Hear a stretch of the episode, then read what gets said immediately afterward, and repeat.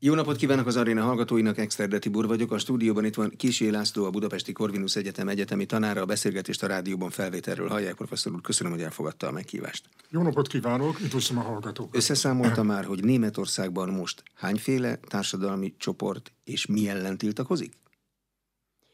Hát az, hogy ezt a kérdést megválaszoljuk, talán egy hátralépnék két lépéssel, és a jelenlegi válság okainak egyik nagyon súlyos szempontjára mutatnám rá. rá. Arról van szó, hogy a német állam túlköz, túlköltekezett, és ezt adóssággal, hitelekkel finanszírozza. Ezt azért teheti meg, mert a német alkotmányban van egy adósságfék 2009 óta, aminek az a célja, hogy az állam túlköltekezését, illetve a állam hitelfelvételét korlátozza. Ez magyarul azt jelenti, hogy a bruttó hazai termékek 0,35 század százalékát teheti ki a hitel. De hát olyan időket érünk, amikor egyidejűleg krízisek vannak, válságok egymást erősítve, és ennek a ö, ö, adósságféket felfüggesztették, tekintve arra, hogy Covid-válság, gazdasági válság, és így tovább. Ez az egyik dolog. A másik dolog az, hogy a német kormány a kreatív könyvelés minden szellemével úgy vesz fel hiteleket, vagy úgy vet fel hiteleket, hogy ezek nem számítanak a költségvetésbe, hanem létrejött egy mellékköltségvetés, vagy árnyék költségvetés, ezzel megkerülik a adósságfék szabályait, és ennek következtében a túlköltekezés létrejött. Hozzáteszem azt, hogy a túlköltekezés honnan ered? Hát három párti kormány van. A zöldek állami pénzekből a zöld átalakítást akarják finanszírozni, a piaci szempontokat nem eléggé veszik figyelembe, elsősorban állami pénzekből. Tehát tulajdonképpen egy klíma semleges Németország, német gazdaság létrehozása, sőt a német társadalomnak a átalakítása is, ami kicsit egy ilyen ökoszocialisztikus módon meg, megy, meghatározzák a tervszámokat, a határidőket, a tilalmakat, tehát ilyen, ilyen államcentrikus, dirigista módon megy, és ez jelentős pénzekbe kerül, a piaci erőkre kevésbé építenek. A másik forrása a túlköltekezésnek a másik, illetve a vezető koalíciós partner a szociáldemokraták, akik azt mondták, hogy ezt a, ebből a szociális államból nem engedünk semmit. Itt a fő kérdés az, hogy a megemelkedett költségeknek, tehát a zöld ö, átállás költségeit hogyan lehet valami komp, ö, állami támogatással ö, kompenzálni. Hogy egy példát mondjak, most például a klímapénz van napirenden, amiben a koalíciós társak megállapodtak, a koalíciós szerződésben is szerepel, lényegében egy, egy évi egyszeri kifizetést jelentene a magánháztartásoknak azért, hogy a megemelt energia költségeket valamelyest kompenzálják. A pénzügyminiszter, aki szabaddemokrata, az jelezte, hogy erre csak 2025 után kerülhet sor. Jellemző módon ez már a német parlamenti választásuk után lesz, és nyilvánvalóanak látszik, hogy ő már nem lesz ekkor pénzügyminiszter. Más dárdájával zörgetné a bozótot, nyilván. Igen. Jó, de pénzosztás ellen soha senki nem tiltakozott még. Ott vannak a traktorok a Brandenburgi kapunál, akkor vala, valamilyen pénzt nem akarnak kifizetni? Még egy dolgot hozzátennék, mielőtt a kérdésre válaszolnék. A harmadik hát, igény, forrás és a túlköltekezésre lényegében onnan ered, hogy a német külpolitika az most jelentősen megváltozott.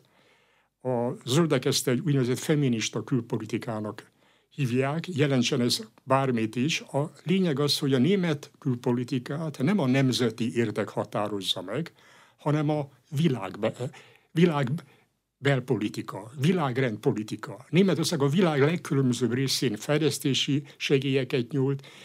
Ezek az igények is túlfeszítik a német gazdaságot, sőt a belpolitikai problémáknak is ez a forrása. Tehát ez a túlköltekezésnek, ez a koalíció maga a forrása, és ott van magában a szabadalmunkat a párt, mint egy idegen test, aki azt mondja, hogy nem emeljük az adókat, ne emeljük, és tartsuk be adósságfék szabályait, tehát a német államnak nem szabad eladósodnia. De akkor miért tiltakoznak a gazdák? Valamilyen most, pénzt nem akarnak neki kifizetni, azaz mégis most csak takarékoskodni ebből, akar az állam? mondtam, következik egy speciális dolog. Én beszéltem kreatív könyvelésről. A Covid idején, a Covid válságnak, a koronaválságnak a kezelésére hiteleket vett fel a német kormány. De ezeket a hiteleket nem használták föl, kb. 60 milliárd euróról van szó, átcímkézték, ami már a alkotmányos szabályoknak a megsértését jelenti, és átvitték a zöld átállási alapba. Így keletkezett egy 60 milliárdos rés, konkrétan 2024-re 17 milliárd eurót kell megspórolni. Így kerültek a gazdák a takarékosságnak a e, e, e, szempontjai közé, és itt az egyik dolog nem más, mint hogy kb. 1,7 millió mezőgazdasági jármű van, aminek a gázolaj jövedéki adója, literenként ez ilyen 47 cent, ezt nek, körülbelül ennek a felét, 21 egész valamennyi centet visszatérítettek. Ezt most megszüntetik. Tehát gyakorlatilag ezzel a gazdáknak a terhei növekedtek, vagyis ami azt jelenti, hogy több ráfordítás kell, a versenyképességi lehetőségek nincsenek. 2027-ig annyi engedményt hozott a kormány, hogy nem egyszerre szüntetik meg ezt a adótámogatást, hanem 2027-ig három részbe. De ez azt jelenti a gazdák számára, hogy gyakorlatilag ez növeli a mezőgazdasági termékeknek az árát. Ha drágul a élelmiszeripari mezőgazdasági termékeknek az ára Németország ilyen tekintetben az import még olcsóbbá válik, tehát lényegében a mezőgazdasági termelők egzisztenciájáról van szó, mert nem csak a gázolaj jövedéki adója, adótámogatásának a megszüntetéséről van szó, hanem sok egyéb kérdésről. Az Európai Unió agrárpolitikájáról azt tudjuk, hogy a költségvetés 40 tehát a legnagyobb tétel, de lényegében a zöld átállás olyan követelményeket támaszt a gazdákkal szembe, ami plusz ráfordításokat követ. Tehát a műtrágya megdrágult például, növényvédőszerek alkalmazásában több korlát van, új istálókat kell építeni, sőt a haszonterület, amit mezőgazdaságok haszonnak minden évben csökken van egy ilyen szabály, hogy ugarosítják a földnek egy részét. Na most mindez együtt azt jelenti, hogy, hogy itt a mezőgazdaság, mint ágazatnak a jövője van veszélybe, tehát egzisztenciális problémákról van szó, bár hangsúlyozom azt, hogy a német mezőgazdaságban dolgozók száma alig egy millió. Hát ez, volt a, ez lett volna a következő kérdés. Alig egy millió, és a német GDP-hez, a német hazai bruttó, termé, a bruttó hazai termékhez egy százalék alatt járulnak hozzá. Viszont a traktoraik azok nekik a legnagyobbak a közúton, hogyha kimennek, és ezzel meg tudják bénítani a forgalmat mindenhol. Így Sikert van. tudnak elérni? Hát ez a ö, nagy kérdés, tehát még egyszer hangsúlyozom, hogy nem csak a jövedéki, a gázolaj jövedéki adójáról van szó, hanem lényegében az agrárszektornak a sorsáról hozzáteszem azt, hogy ezenek a nagy része családi gazdaság. Azt is Hozzáteszem, hogy a kormány intézkedései, különösen ez a zöld átalakítás olyan beruházási kényszereket jelent, amire nem tudnak fölkészülni, tehát a tervezhetősége a gazdálkodásnak rendkívül nehéz helyzetben van. Na most fölmerül a kérdés, hogy milyen alkupozícióban vannak ebben a helyzetben, amire a kérdés is vonatkozott. Hát azt lehet mondani, hogy a kormány pillanatilag úgy tekinti, hogy egy kompromisszum irányába mentek, mert ebben a megállapodási csomagban az is szerepel, hogy a járműadó az ezután nem kell fizetni, tehát ez megmarad, változatlan marad. Itt pedig a támogatások megszüntés, megszüntetését a gázolaj tekintetében három részbe csinálják, de a keserű pirulát a gazdáknak le kell nyerni. A gazdák a dolgok jelenlegi állása szerint azt mondták, hogy ez nekik nem kielégítő, csak megszakították a protestet, a tiltakozást, de nem szüntették meg.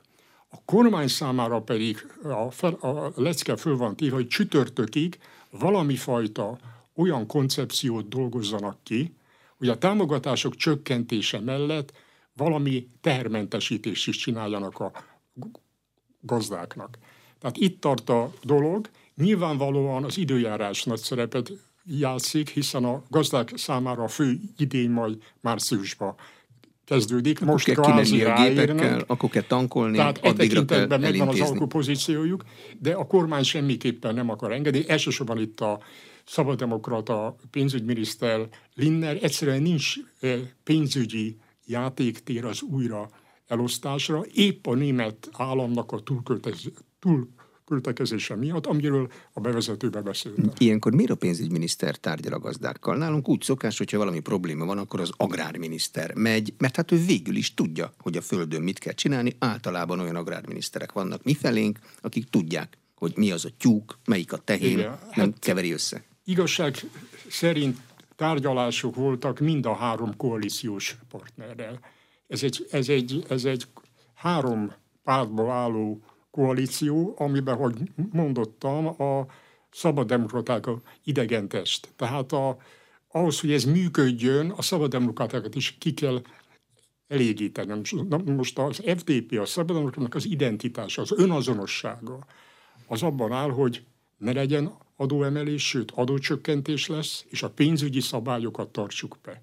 Itt a pénzügyi szabályokat már említett adósságfékre vonatkozik. Na most a, a veszély az, amiatt ez túlmegy a agrár szektoron, hogy ez csatlakoztak a fuvarozók, a szállítmányozók, hiszen a ö, üzemanyag költségek emelkedése, a támogatás leépítése őket is érint, és van még egy veszély, amitől az egész koalíció tart, hogy egy bizonyos ponton át ez a gazdasági elégedetlenség, ez a gazdasági konfliktus nem lesz, nem válik egy politikai tiltakozás eszközévé. Pártok az ellenzékben élére próbálnak állni a tiltakozásoknak?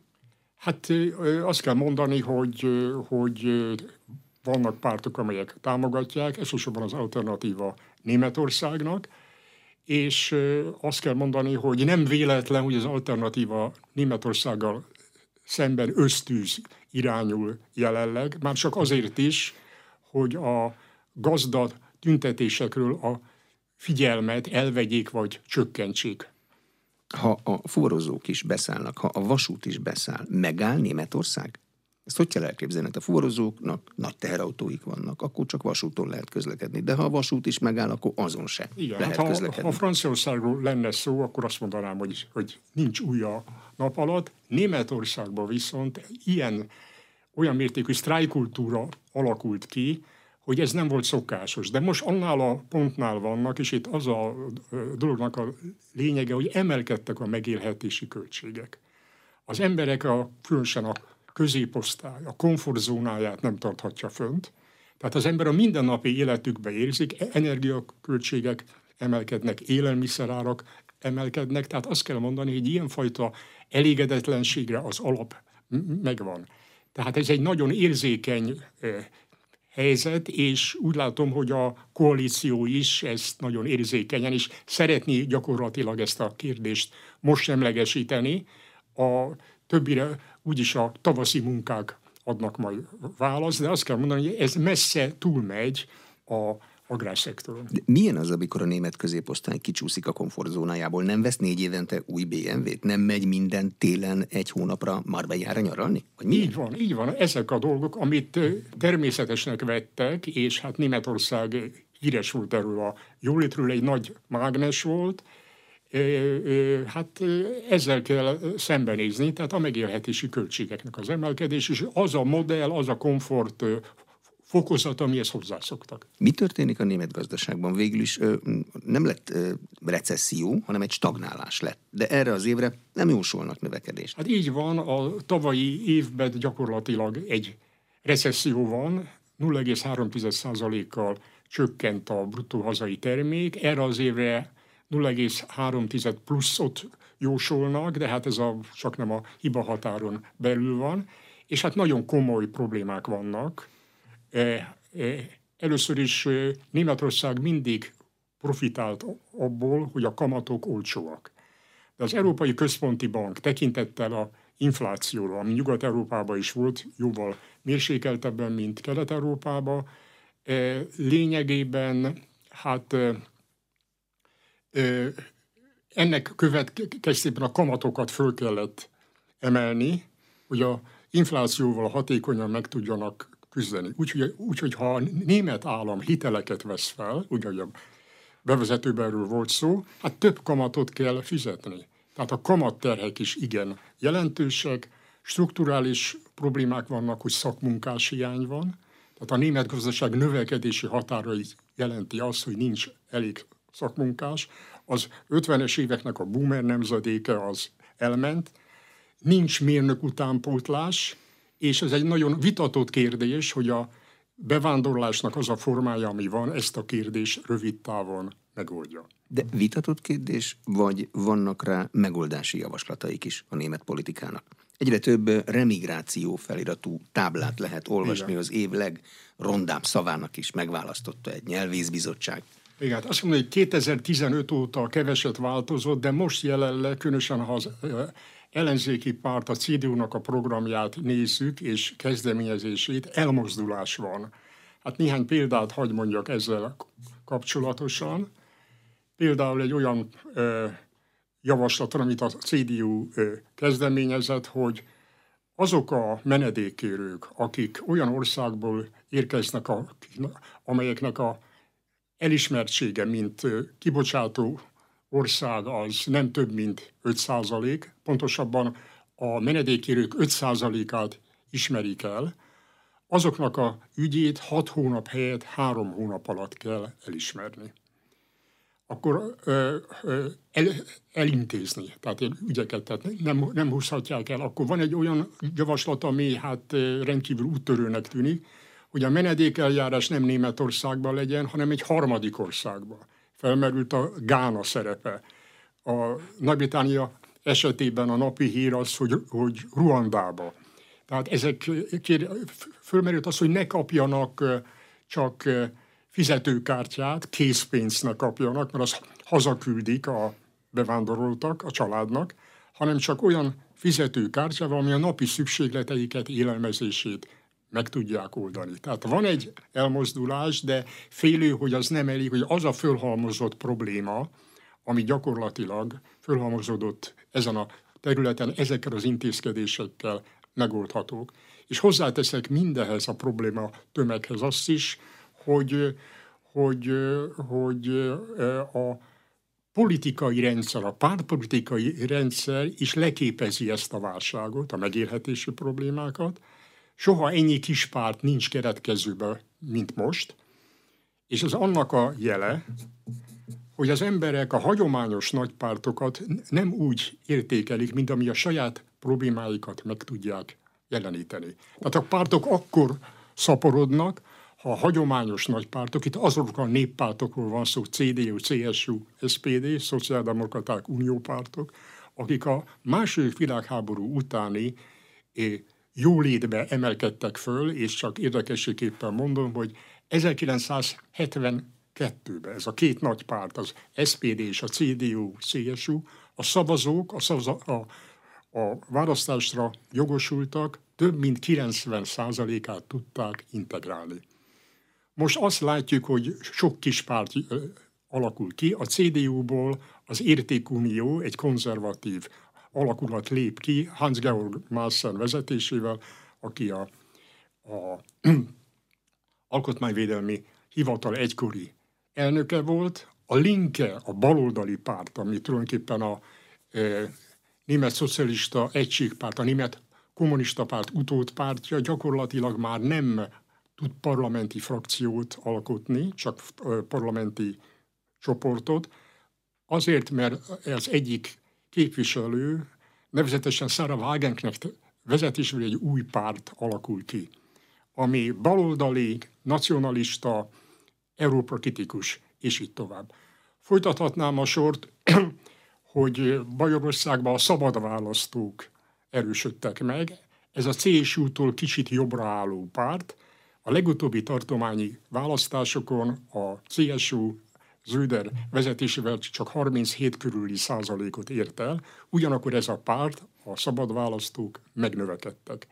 És hát tulajdonképpen utoljára, de nem utolsó sorban az alternatíva Németországnak a drámai fölemelkedése, ami a pártpolitikai rendszernek egy dinamikáját mutatja.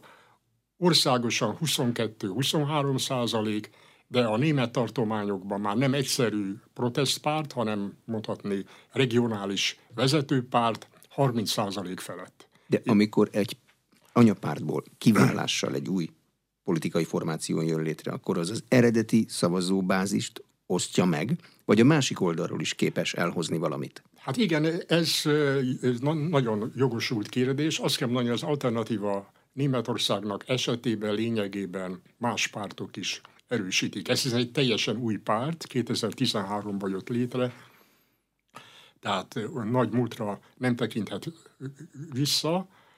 Hát elsősorban nagyon sokan jönnek a CDU-ból. Körülbelül 5-10 százalékra becsülik a, a alternatíva Németországnak azokat a tagjait, akinek CDU kötődése volt. De jönnek a SPD-ből is, és az FDP-ből, a szabaddemokratákból is. Na most ez olyan helyzetet eredményez a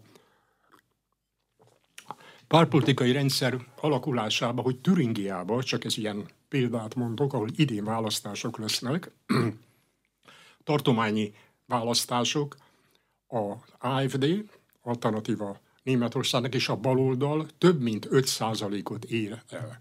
Egy szélső bal és egy szélső jobb párt. A hagyományos politikai középnek nevezett pártok nem tudnak többséget létrehozni. Kisebbségi kormány működik, de tudjuk, hogy kisebbségi kormány az nem a op- optimális üzemmódja a politikának. Tehát, és épp ezért óriási kérdés idén, mert mind a három német tartományban tartományi választások lesznek. Százországban a szociáldemokraták egy legutóbbi felmérés szerint 3%-ot írtak el. Tehát nem érték el a tartományi parlamentbe való bejutás 5%-os küszöbét. Na most épp ezért az utóbbi napokban meg lehet figyelni, ez az, az AFD-vel való konfrontáció növekedett, hisz egy politikai hatalmi kérdésről van szó. Itt vannak az Európa parlamenti választások és a tartományi választások. Ezért ezt az évet is egyfajta választási szuperévnek tekintik. Mit kell figyelni a német belpolitikában, ha arra a kérdésre akarjuk megtudni a választ, hogy ki fogja az irányt megadni Németországban? Hát a tartományi választásoknak óriási a jelentősége, mert arra utalni kell, hogy a felemelkedő alternatíva Németországgal szemben egy tűzfal gyakorlat van, tehát a hagyományos pártok közül senki nem akar koalíció lép, lépni vele. De ugyanakkor azt látjuk, hogy kommunális szinten is sikerült a, az AFD-nek teret nyerni, tehát lényegében járási hivatalok vezetői ebből a pártból kerülnek ki, tehát ez már nem újszerű dolog, vagy polgármesterek is vannak. Na most ezt a tűzfolt megvalósítja a kommunálpolitika szintjén. Olyan kérdések vannak, hogy egy szennyvíz tisztító telepet e, üzembe helyezzenek, vagy nem, vagy erre pénzt fordítsanak. Hát itt lényegében a többség létrehozása tekintetében ö, objektíve nem mondhatnak le. Tehát ilyen értelemben látjuk azt is, hogy a CDU vezetője, Friedrich Merz a országos szinten, tartományi szinten a tűzfal fenntartása mellett van, de gyakorlatilag a kommunálpolitikában ezt a lehetőséget nem zárja ki, mert napi, praktikus, gyakorlati kérdések megoldása nincs, és ahogy ezt a türingiai modellt mondtam, a baloldali párt és az AFD lényegében együtt több mint 50%-át adja a szavazatoknak. De ez hogy működik a gyakorlatban? Egy-egy helyi együttműködő döntés után Friedrich Merznek el kell eresztenie egy mentegetőzést a sajtóban, vagy ez hogy megy? Hát ez egy nagyon ellentmondásos dolog. Lényegében ö, ö, ö, hát éppen Türingiában történt az, hogy a ö, FDP, a liberálisok és a CDU ö, jelöltjét, az egy Kemerich nevezetű szabademokrata ember volt, az AFD is támogatta, annak érdekében, hogy egy baloldali koalíció nem jöjjön létre. Logikus politikai megfontolás. de létrejött. Merkel éppen Dél-Afrikában volt, és azt a hibát elkövette, hogy azt üzente haza, hogy ezt a választási eredményt semmisé kell tenni. Mert Merc. Igen, de hát ilyen nincsen. A szabadalomkrata országos vezetés beszélt ezzel a megválasztott miniszterelnökkel, aki a FDP-ből jött, és lemondott.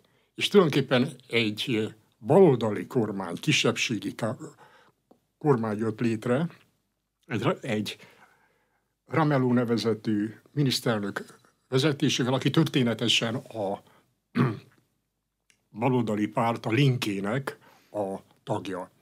De viszont négy szavazat hiányzik ahhoz, hogy ez döntésképes legyen, és ezt a négy szavazatot az ellenzék, ki CDU adja, tehát tolerálja a kisebbségi kormányt.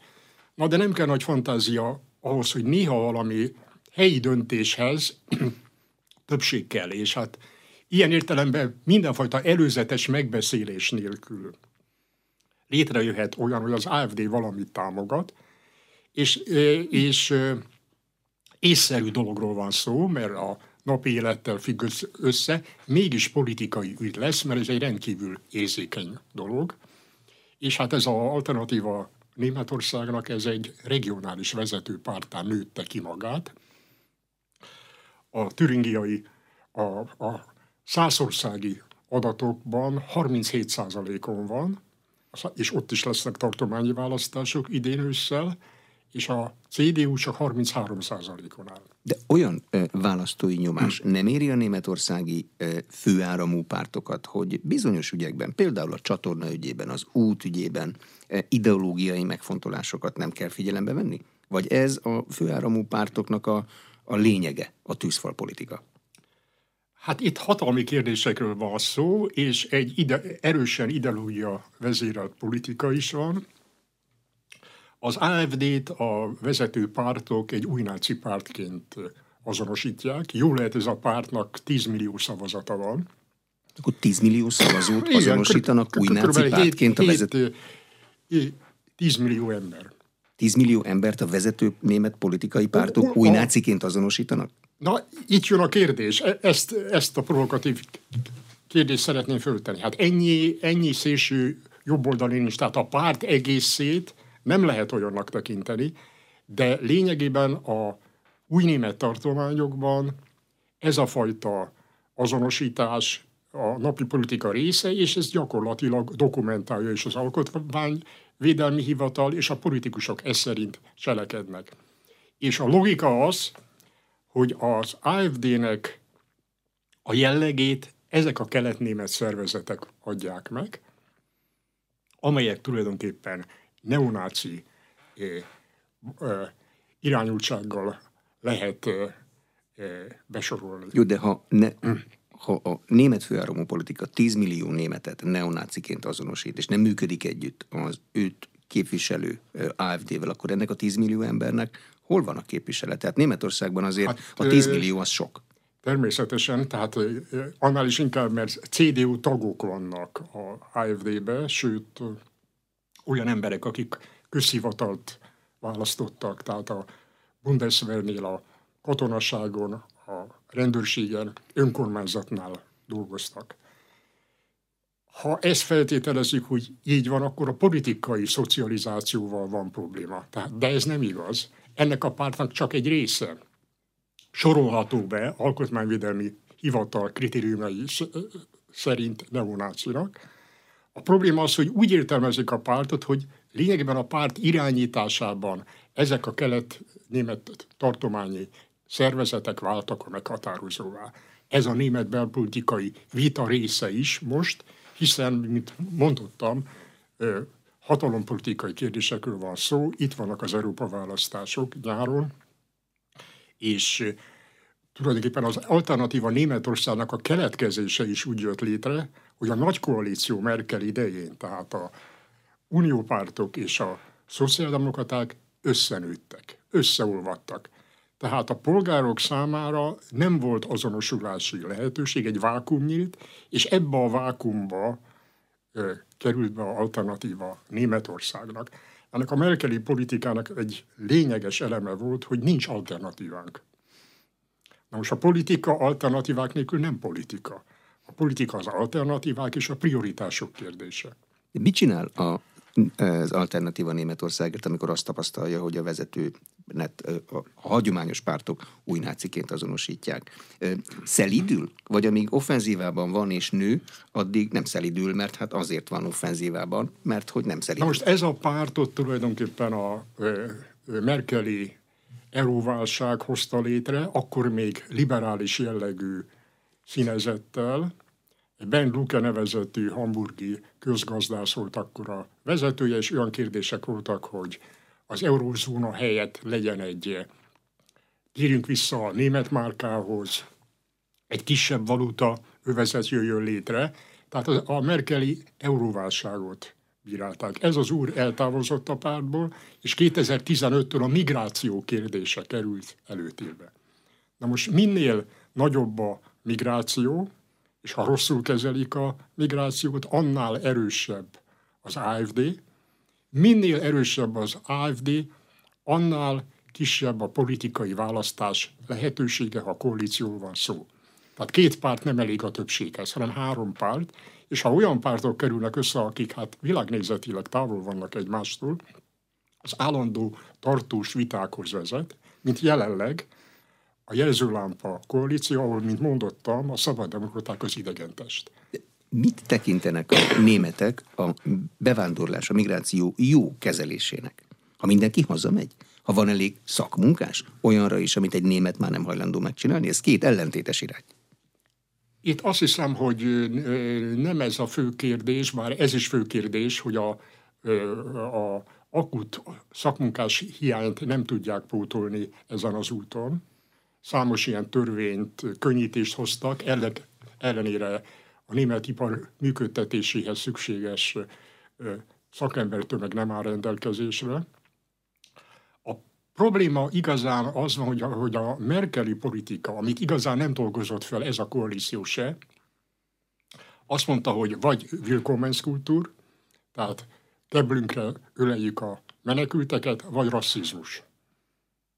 És a Willkommens kultúra mondta azt, hogy meg tudjuk csinálni. I- és igen, és a kettő között nincs egy harmadik út. Pedig hát nyilvánvalóan a jelenlegi migrációs politika átalakulása, ha, CDU, ha CDU-t nézzük, akkor lényegben mutatja, hogy lehet szigorítani a meglévő törvényeken, sőt már korábban kellett volna.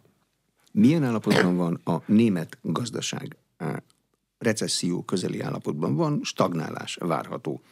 Német elemzők azt mondják, hogy arra épült, hogy olcsó az orosz energia, Kína felfele fog menni. Egyik sem igaz ma már. Hát itt az alap dolog ugyebár valóban az, hogy a olcsó orosz energiahordozókra és a magas hozzáadott értékű német technológiának a házasságára épült. Ennek megvan a geopolitikai alapja is, például McKinder, angol geopolitikus azt mondta, hogy a német-orosz együttműködés egy európai Heartlandet egy európai hegemóniához is vezethet. Tehát ez a, ez a komplementer gazdasági kapcsolat, technológia, energiahordozó, tulajdonképpen ezt tette lehetővé a német gazdasági csodát igen jelentős részben. Sőt, ezen keresztül azt is lehetővé tette, hogy Németország az Európai Unió fő finanszírozója legyen. Tehát a német jólétből a többi nyugat-európai ország is részesült. Most gyakorlatilag, ha a német exportipar megdrágul, és erről van szó, tehát a energiahordozók, ipari áram, gáz, olaj, ha csak a ö, gáznál maradunk, Amerikában háromszor, négyszer több a ö, amerikai árnál, amit a németeknek fizetni kell. Na most hát, ha ilyen magasak az árak, ez, ez versenyhátrányt jelent. Foglalkozik, bocsánat, Németországban bárki azzal, hogy az északi áramlatot végül is kirobbantotta föl? Hát igen, ez is egy olyan kérdés, ami szerint a német külpolitika nem az érdekek és az értékek egyensúlyán alapul, hanem erősen moralizáló, ideologizáló lett, ami nem annyira a német érdekeket, és az orosz-ukrán háború ideje alatt nem a nyugati szövetségben lévő ellentétekkel foglalkozik, hanem ahogy mondtam és idéztem a zöld külpolitikának a hitvallását, lényegében egy világbelpolitika. De ezt mondják feminista külpolitikának? De ez, ez egy pozitív felhang, vagy egy lesajnáló felhang, vagy milyen? Hát ez azt jelenti, hogy a világ legkülönbözőbb részén elkötelezik magukat, és hát itt olyan kérdések merülnek fel, hogyha tavaly például Ártálba volt egy nagy katasztrófa, árvíz katasztrófa, minden károsultak még nem fizettek ki. De a német néző látja a tévében, hogy milyen fejlesztési segélyprogramok vannak Afrikába, Dél-Amerikában és a világ legküzöbb részén. Most ilyen tekintetben ez a politika moralizáló, ideologizáló, és egy új világrend létrehozását tekinti, nem elsősorban a német érdekeket. Legalábbis nagyon sok polgárnál ez így csapódik le, és a pártpolitikai helyzet átalakulása, tehát új pártok megjelenése, régi pártok gyengélkedése ezzel is magyarázható. Milyen a kancellár Olaf Scholz megítélése most Németországban? Hát Scholz legutoljára, ha nem tévedek, a 16. vagy 17. volt a népszerűségi listán. A kormányjal szemben 80 százalék, a kormány munkájával szemben 80 százalék elégedetlennek tehető. Tehát gyakorlatilag nagyon rossz a bizonyítvány, ugyan a választások még messze vannak, előrehozott választások nem valószínűek, ez a német kultúrában nem gyakori, és óriási feladatokat kell megoldani, bárki is hatalomba jut. Tehát azt kell mondani, hogy a Scholznak a, a, a, népszerűsége, hitele, hát nem a zeniten van, hogy finoman fejezzem ki. Ki csinálja Németországban a gazdaságpolitikát? Ki csinálja a társadalompolitikát? Azért kérdezem, mert hát ha a pénzügyminiszternek kell tárgyalnia az agrártermelőkkel, akkor nem egészen világos a kompetencia. Hát mondjuk, rendszer. mondjuk végső soron a kasszakulcs a pénzügyminiszternél van. Tehát neki kell, hogy arról gondoskodni, hogy az a 17 milliárd eurót megtakarítás meglegyen. Itt van egy közben egy vasutas mozdonvezető sztrájk is van, ahol ugyancsak bérkérdések a napirenden vannak, úgyhogy gyakorlatilag, hogy a költségvetés újra elosztják és engedményeket tegyenek itt vagy ott, gyakorlatilag nagyon kockázatos. És hát a, a, a, a, ha az FDP itt enged, akkor továbbra is gyakorlatilag a, a FDP elfogadottsága, önazonossága szenved csorbát, és hozzáteszem azt, hogy e, a tavaly és kb. öt tartományi választáson negatív adatok jöttek ki a FDP-ről, azt hiszem két vagy három tartományban kiesett a parlamentből. Tehát gyakorlatilag az FDP gyakorlatilag nem valószínű, hogy a következő parlamenti választásokon bejut a, a német parlamentbe. Na most a, a, a terheket és a problémákat a konfliktus közösen kell megoldani, de az első számú illetékes ember az csak a pénzügyminiszter, mert a költségvetésért ő felel. Az világos-e most, hogy a koalíció pártjai az AFD-vel szembeni tűzfal politikán kívül mivel akarnak neki menni ennek a választási szuperévnek? Mit akarnak mondani, mit akarnak felmutatni, mivel akarnak kampányolni? Hát az egyik kampány az AFD-vel szemben azt hangsúlyozza, hogy amennyiben ez a politikai erő nagyobb hatalmi befolyás kap, akkor Németország, mint termelési telephely, nek a tőke vonzó képessége csökken, hogy finoman fejezem ki. Tehát ez a párt egy politikai kockázatot jelent, és ezt meg kell akadályozni. Ez a legfontosabb dolog, és a, ezek a pártok, tehát a koalíció pártjai ebben mind egyetétenek, sőt a Linke is, aki, mint mondottam, most már csak parlamenti csoport formájában ö, létezik.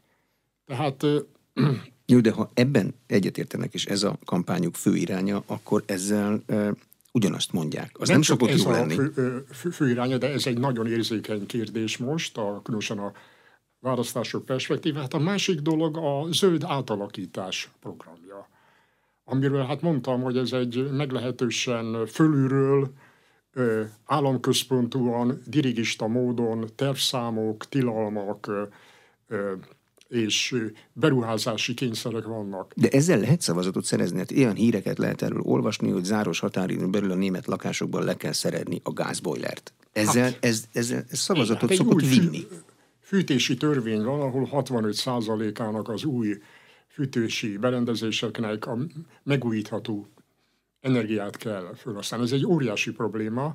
Egy olyan beruházás a magánháztartásoknak, ami nem nagyon teljesíthető. Jó lehet, ezt puhították, meg vannak kedvezmények, de a zöld átállásnak a terheinek a lakosság számára való átgörgetés, az egy nagyon komoly probléma. Hát e- erről van szó, ahogy a bevezetőben mondtam, a klímapénz, ami a megemelkedett áramárnak a kompenzálására, energiaárok kompenzálására van. Ez egyszeri kifizetése lenne, de a pénzügyminiszter nem mondhat mást, hogy ezt majd 2025 után csinálják meg, utána a vízozon, 2025-ben már biztos nem Linder lesz a német pénzügyminiszter. A koalíció pártjai nem is fognak ígérni semmit, mert ez nem ígéret, hogy le kell szerelni a gázbojlereket, és majd lesz valami, és ezt neked, kedves német állampolgár kell kifizetni. Te valami pozitív jövőképet, amit választások előtt általában szoktak csinálni, Németországban hát nem azt csinál? hogy ez a, ez a zöld ideológia, ez, a, ez, ez meglehetősen meghatározó lett a koalícióban. Tehát Németország zöld átalakítása, egy klímaneutrális, bevándorló Németország átalakítása a fő cél, de lehet látni, hogy ennek komoly költségei vannak. A német vegyipar, üvegipar, és így tovább mondhatnám, egy része elvándorol Németországból, tehát csökkennek a munkahelyek. A Ford gyár például Saarbrückenbe megszüntette a autógyárát, a BID-vel, ezzel a kínai gyárral tárgyaltak, de végül is Szeged mellett döntöttek. Úgyhogy Szárvidéken, ami amúgy is struktúrálisan egy gyenge terület, komoly foglalkoztatási problémák vannak. Tehát egy rendkívül érzékeny periódusban van Németország, és hát ezt a átalakítást, zöld átalakítás, klímamentesíteni a német ipart, hogy osszák meg a költségeket? Az állam nem tud újabb összegeket bevonni, mert ezzel kezdtük a témát, és a pénzügyminiszter a kiegyensúlyozott költségvetés őre. Ő sem tehet menni. Tehát mindenképpen a lakosságra kell hárítani. De a szociáldemokraták ezt kompenzálni akarják. De hát pénz erre nincs. Tehát egy nagyon feszült helyzet van a költségvetés újra elosztására nincsen játéktér. Ebben van tulajdonképpen a konfliktusnak a lényege is, és hozzáteszek még egy szempontot, hogy ez az átalakításnál a CDU programjában is benne volt a választásokon, hogy ez ne vezessen oda, hogy a német ipar kivándorol. Deindustrializálódás nélkül. De azt látjuk, hogy a német ipar, a német exportipar, ami nagyon dinamikus volt, és köszönhetően a alulértékelt eurónak is, ami ilyen export ösztönző hatást fejtett ki, ezzel lényegében Németország egy ilyen neomerkantilista, hogy mondják, egy olyan kereskedelmi állam volt, aminek óriási jövedelmei voltak, ugyanakkor az Európai Unió belül nagy különbségek voltak a, a többlet és a deficit kérdésében a kereskedelmi többletre és a kereskedelmi hiányra. Most ez a dolog lényegében lezajlik, és itt a nagy kérdés, hogy ki fogja finanszírozni akkor e, az Európai Uniót. Merkel idejében Merkel törekedett minden kritika ellenére, hogy összetartsa az Európai Uniót, minden országot bevonni a kompromisszumokba, és Németország abban a helyzetben volt, hogy ezeket a kompromisszumokat finanszírozni tudja. Ha a német exportipar gyengébben teljesít, és ez egy tendenciává válik. Németország, mint termelési telephely már nem olyan vonzó, mint korábban volt. Ez az egész Európai Unió fejlődésére kiható tendencia. De a németek ezzel a felelősségükkel tisztában vannak? A német politika ezzel tisztában van, hogyha nekik rosszul megy, akkor egy csomó más országnak is rosszabbul fog menni? Beleértve minket is. Igen, tisztában vannak vele, de lényegében pillanatilag kényszerek határozzák meg. Ez a zöld átállási program, amit mondtam, hogy kicsit egy ilyen ökoszocialisztikus, hogy megvannak a tervszámok, mint a régi éves terv. Mit nem szabad csinálni, tehát a fűtési rendszerben nem lehet a régi rendszert meghagyni. Mik a tilalmak, mik a határidők, tehát 2045-ben klímasemlegesnek kell lenni, tehát kicsit a tervgazdaságra emlékeztető, és a terhek megosztása a nagy kérdés. A, a koalícióban a szabademokraták kicsit azt mondják, hogy ö, a piacot is jobban be kell vonni ebben a folyamatban, és a technológiai fejlődés hozhat olyan újítást, amivel megsporulhatnánk ezeket a nagy beruházásokat is. Abban bíznak, hogy majd föltalálnak valamit, ami igen, se... Igen, ők technológiai nyitottságról beszélnek a szabaddemokraták, tehát arra, hogy lehetnek olyan technológiai innovációk, amik ezt a költséges utat és társadalmilag, politikai nehezen megvalósítható utat azt könnyebbé tehetik. Köszönöm szépen. Az elmúlt egy órában Kis László, a Budapesti Corvinus Egyetem egyetemi tanára volt az Inforádió arénájának vendége. A műsor elkészítésében Módos Márton főszerkesztő vett részt a beszélgetést a rádióban most felvételről hallották. Köszönöm a figyelmet, Exterde Tibor vagyok.